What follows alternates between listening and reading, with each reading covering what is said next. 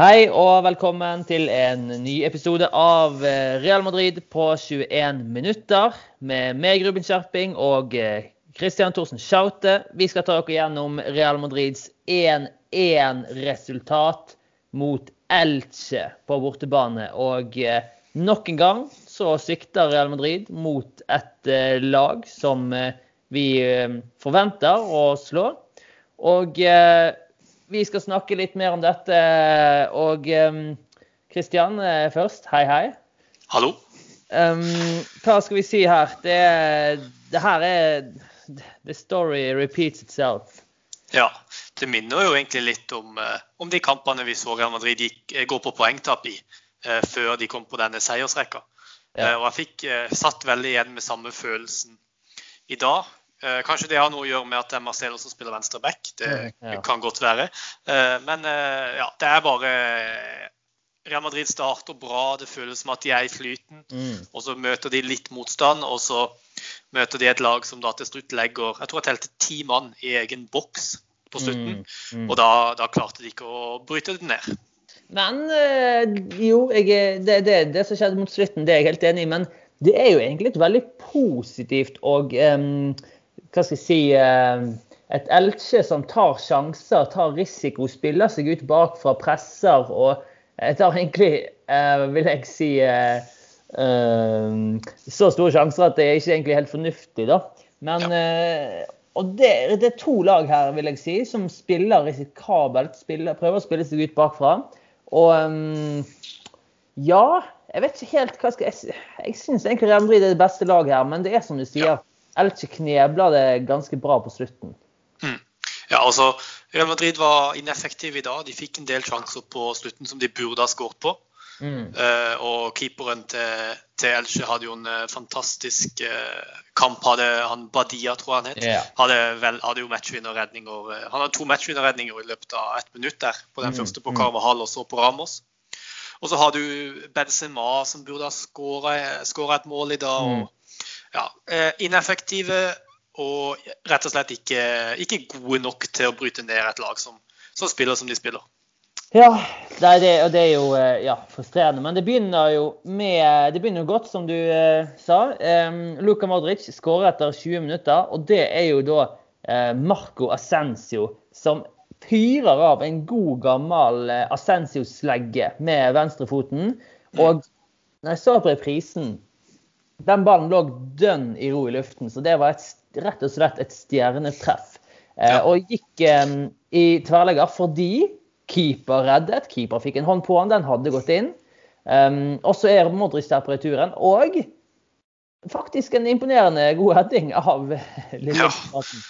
Veldig vanvittig god heading. Jeg sa det til de jeg satt og så kampen med, at bare den headinga der, den er, den er god, altså. Han er under press av to av iallfall én midtstopper og en annen midtstopper i nærheten. Mm. Og så klarer han altså å komme inn foran eh, betraktelig større midtstopperen enn det han er sjøl. Mm. Eh, og stanger den ballen i, i lengste kryss. Så mm. Eh, veldig, veldig god heading av, av, Modric. Imponerende. Og fortsetter sin ekstremt gode form. Nesten sånn usannsynlig gode form. Jeg, jeg kan ikke helt tro det jeg ser fra gamle karen som bare holder dette gående kamp etter kamp. Um, men eh, så er det jo det som eh, Jeg tok med noen raske notater underveis. Og her har jeg bare skrevet på et punkt Kavahal tullete. Skjønner ja. du hva jeg mener da?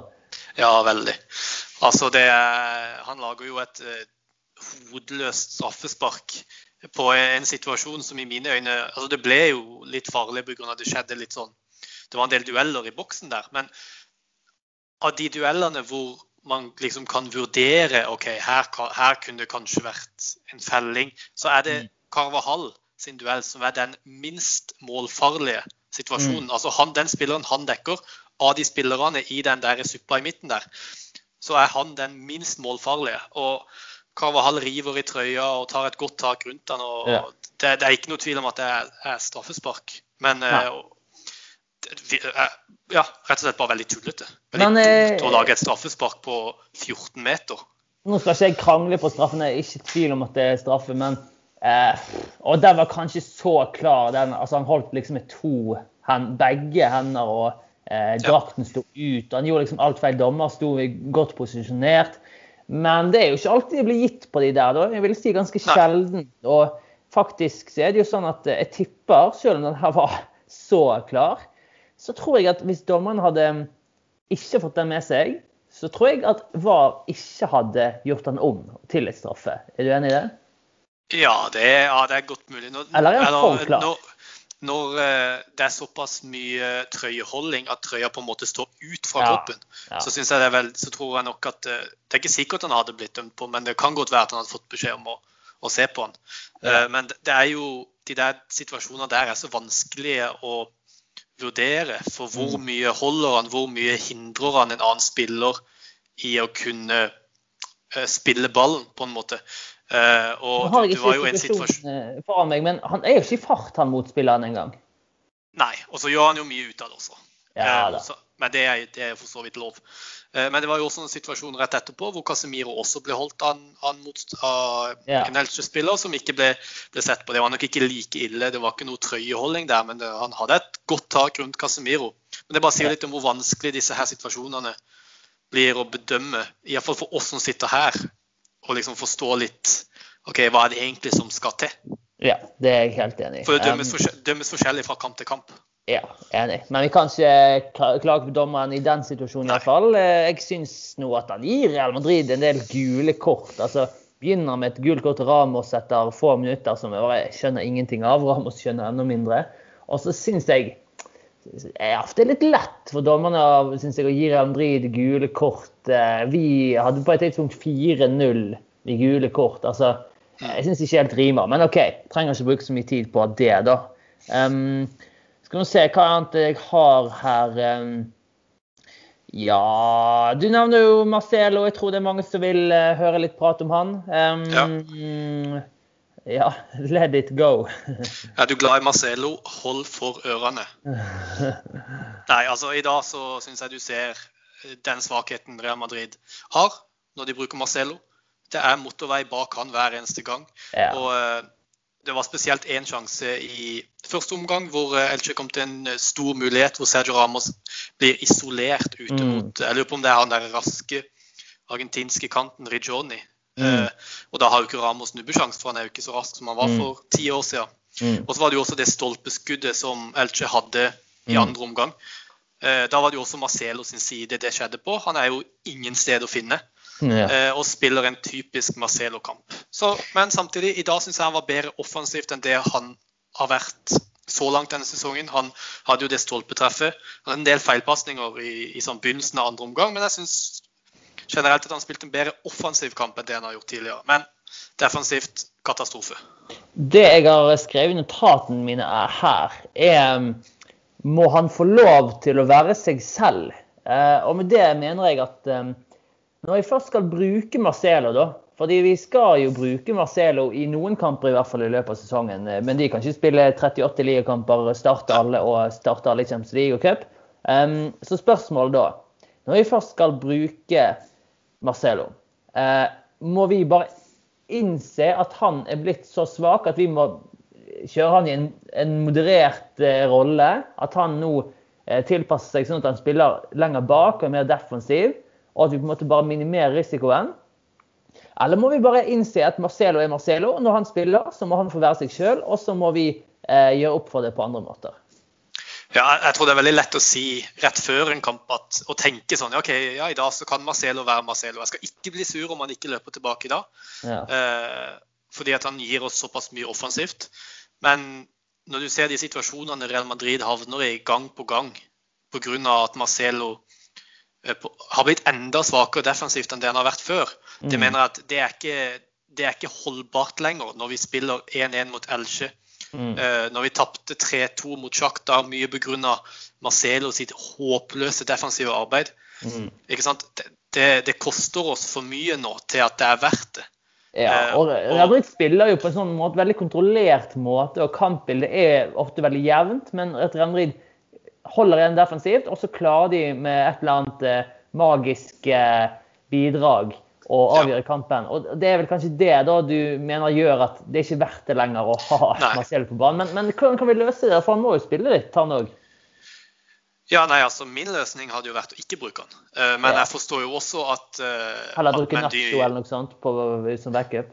Ja, eller i det større bildet beholdt Regilon og, og Ja, har eh, fått ut Marcelo. Det hadde jo vært men det, det aller beste. Men når vi er i den situasjonen vi er i nå, så er jo det litt vanskelig. Ja. Uh, men altså, dette er jo en sånn typisk kamp man kunne tenkt seg Marcelo kunne vært god å ha. Dette er jo de kampene vi har sett for oss at Marcelo kan spille disse kampene uten å gjøre for mye skade. Ja. Men også i dag så skjer det jo. Og hvordan man løser det da? Nei, kanskje vi må ta den risikoen da, men kanskje vi også må vurdere ta den vurderinga da. at okay, Hvis vi har Marcelo på banen, da skal man skåre enda flere mål. ja. Men jeg vet ikke om kanskje- laget Jeg vet ærlig talt, det får være litt eh, det, ja, em, negativ, så vet ikke om laget faktisk har den evnen til å bare skru opp og bare I dag bare goller vi tre mål, og så bare slipper vi inn to. Jeg tror ikke vi har evnen til det, rett og slett. Nei, og så spørs det jo da kanskje man skulle vurdert å ha en annen eh, sentral midtbanespiller ved siden av Altså eh, venstre sentral midtbanespiller innen 4-3-3. Kanskje det skulle vært Valverde for å demme opp for en Marcelo som stormer framover. Sånn at man iallfall har en som Ja. dekker opp på venstre back for Marcelo. Men igjen, da tar du vekk Real Madrids mest ballsikre spiller i Kroos. ja. Og du begrenser også Valverde veldig. fordi at han, en av hans sine beste og- egenskaper er jo å storme Ja. framover. Når vi først er inne på det her eh, tankesettet, så kunne jeg også vurdert å hive inn Militao, for han er raskere enn Ramos. Men sant, å ta det ut Ramos, som er vår viktigste spiller. Og, eh, nei, det, jeg er enig, det høres ikke bra ut. Men jeg, nå skal ikke vi gå for lenge, vi må snakke om noe annet òg som er viktig her. Men em, jeg syns jo sånn helt avslutningsvis på dette temaet at eh, det skal jo ikke være sånn at én spiller byttes ut, og så skal hele laget bare kollapse. Da, da er det noe med strukturen totalt sett Ja. med feil. da. Ja, Um, det er jo ikke bare Marcelo sin feil, men det er, det er så tydelig når Ja. det er, det, det, Hans sine feil blir veldig tydeliggjort. Det blir ofte store sjanser av de feilene han gjør. Når vi har, når vi har spilt med Mendy noen kamper nå, så er det litt sånn og Når vi kommer tilbake til, til Marcelo-kamp etter flere Mendy-kamper på rad, så er det sånn at oi, ja, det, det, no, det her går an, ja. Jeg hadde glemt Ja. at det gikk an. Bare, oi, herlighet, nå er det jo bare åpent eh, hel hele venstresiden vår. Så ja, nei, det, det er ikke bra, dette. Men, eh, men det kunne jo blitt løst eh, utover i kampen, for det, det går em, da går vi over til neste punkt. og Det kunne blitt løst ved å bruke benken. Og em, ut i minutt nummer 60-70 kanskje til og med, så viser de, og det kommer til å bli bildet for hele altså for podkast-episoden òg, viser de innbytterne til Real Madrid. Samtlige sitter på ræv, og ingen er i oppvarming. Og det er drøyt 20 minutter igjen. Det tror jeg det er mange som eh, reiv seg litt i håret av i dag. Ja, jeg syns jo det er veldig merkelig. Eh, Jeg hadde jo tenkt at spillere kanskje var i oppvarming allerede fra pause, ikke sant. Han, Ja, det er jo, man, altså man har fem bytter. Vi forventer, vi forventer ikke at Zidane gjør fem bytter, men at i hvert fall han gjør noen bytter. Eh, ja. Men, og at ikke verken Venicius eller Valverde eller Hazard kommer inn før det er altså, ti minutter igjen. Mhm. De kommer jo ikke til å være kapable til å påvirke kampbildet i det hele tatt med ti minutter igjen. Det er altfor lite. Hvorfor gjør de det? Nei, jeg tror at eh, det, det inntrykket jeg har av Zidane, er at veldig ofte så stoler han såpass mye på spillerne sine at han stoler at den gjengen som er på banen, de kan klare det. Mm. Og så tror jeg Zidane er veldig opptatt av flyt. Enig. enig, enig. Ja, og det å bytte ut to-tre spillere på en gang, det forstyrrer den flyten litt. Det gjør noe med rytmen, ja. Ja, og jeg tror kanskje det har mye med det å gjøre også, spesielt i en kamp som dette, hvor Elche spiller for poenget på slutten. De spiller for det ene poenget. Eh, og da er det jo viktig å ha flyt og rytme i laget for å kunne bryte ned sånne lag. Eh, Og det hjelper jo ikke spesielt med de byttene heller. Ingenting. Ingenting. De kommer for seint. De klarer ikke å komme, spille seg inn i kampen. En ting er å komme inn og ha evnene til å endre et kampbilde, men du må også ha tid til, til å spille deg inn i en kamp og i et kampklima. Og ja, det, det får de ikke tid til når det er ti minutter igjen. En som jeg har pratet mye med, Matt Wiltsey fra Managing Madrid, han skriver Ødegaard did not even warm up in this match. I always give the coach the benefit of the doubt, and maybe there is something going on that we don't know about. But how does a player of his quality not get any time in a match screaming for his skill set? Um, og det gjelder jo ikke bare både for Ødegaard, at de kunne trengt en Ødegaard-type, men de kunne òg trengt en Hazard. Ascensio var ikke enorm, hun kunne trengt Venicius tidligere. Altså, um, mye som kunne blitt gjort. Um, men det, det, det, er jo Du ville nå ha gjort flere bytter, og du sa tidligere, men òg flere, vel? Altså, ikke ja. enig? Jo, altså å få inn Ødegaard i denne kampen her, det tror jeg kunne vært et, et veldig lurt valg. Uh, ja. Å ha en som kan prøve å finne litt rom i det, i det mellomrommet, tror jeg Real Madrid kunne hatt veldig godt av i dag. Eh, så ikke bare det å få inn Ødegaard tror jeg kunne, kunne hjulpet veldig mye. Mm. Eh, men altså at han gjør de byttene han gjør, det er for så vidt ikke uenig i. At det er Venezia som kommer inn for å skape litt kvalme helt på slutten, og at det er Valverde som kommer inn for Kroos på gult kort, det tror jeg var et lurt valg også. Mm. Og Hazard, selvfølgelig. Det er jo et åpenbart bytte når man er i den kampsituasjonen man er i. Men yeah. eh, jeg syns at denne ja, altså, Kampbildet skrikte etter en, etter en Ødegård, som han skriver. Så mm. uh, ja, jeg tror Ødegård absolutt er en spiller jeg ville bytta inn i denne kampen her. Ja. Um, OK, for å avslutte det på en uh, enda mer pessimistisk måte. To poeng opp til Atletico Madrid, som har to kamper til gode. Det er ikke bra. Det er ikke bra. Det er, det er så gale at altså, nei, Vi er ikke ute av tittelracet. Fordi Atletico Madrid de har vært i veldig god form, og vi forventer vel ikke at de skal holde den formen gående kanskje hele sesongen. Men eh, er, vi må nå bekymre oss litt her nå over situasjonen. Ja, selvfølgelig. Eh, at de har jo vært så bunnsolide i år. De har bare sluppet inn fem mål i La Liga denne sesongen. Det er fem ja. mindre enn det laget som har sluppet inn nest færrest mål. Ja. Så det er vanvittig imponerende. Og de, det de sleit med i fjor, egentlig det var jo, og egentlig de siste sesongene nå, har jo vært å skåre nok mål. Mm. Eh, de, har, de, har, jo alltid vært avhengig av litt sånn 1-0, 2-0, 2-1-seiere. Mm. Eh, men i år så har de virkelig klart å sette den der 1-0-skåringa hver eneste kamp.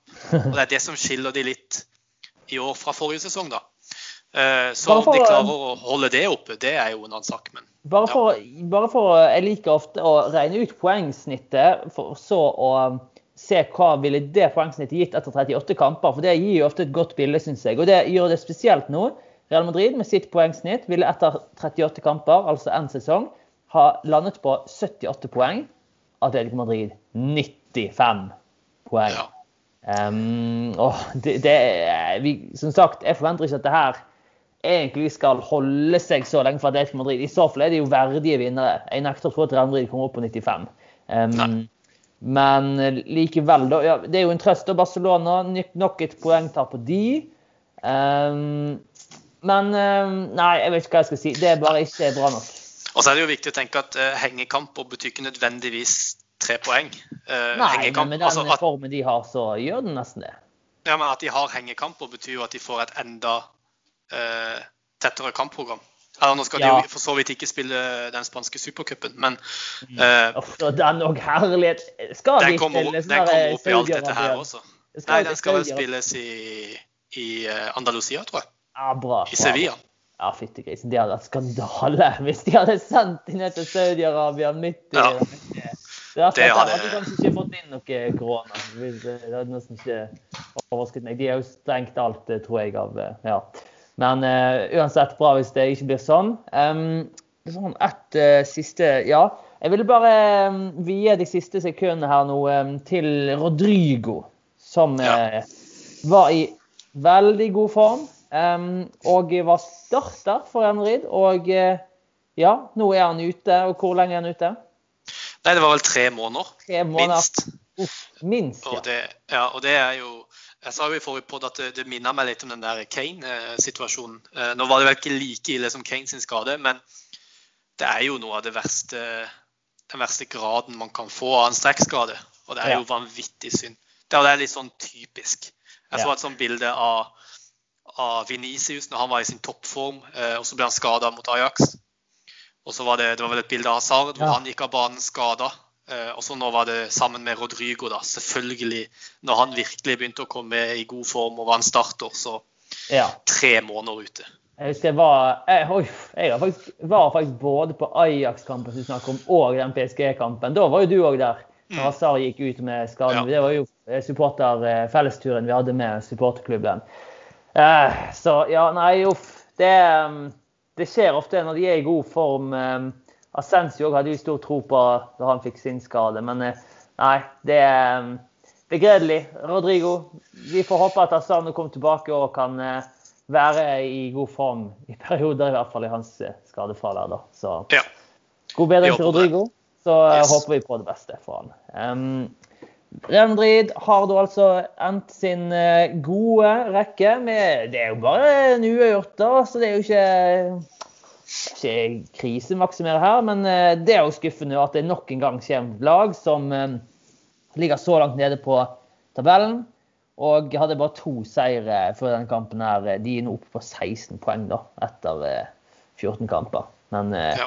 la oss håpe vi kommer oss tilbake på god, eh, god sti igjen til eh, neste kamp. Um, Yes. og eh, ja, det var alt for i dag, da. Takk Kristian for at du var med, og eh, takk til eh, dere som hørte på. Og eh, til neste gang, à la Madrid. À la Madrid.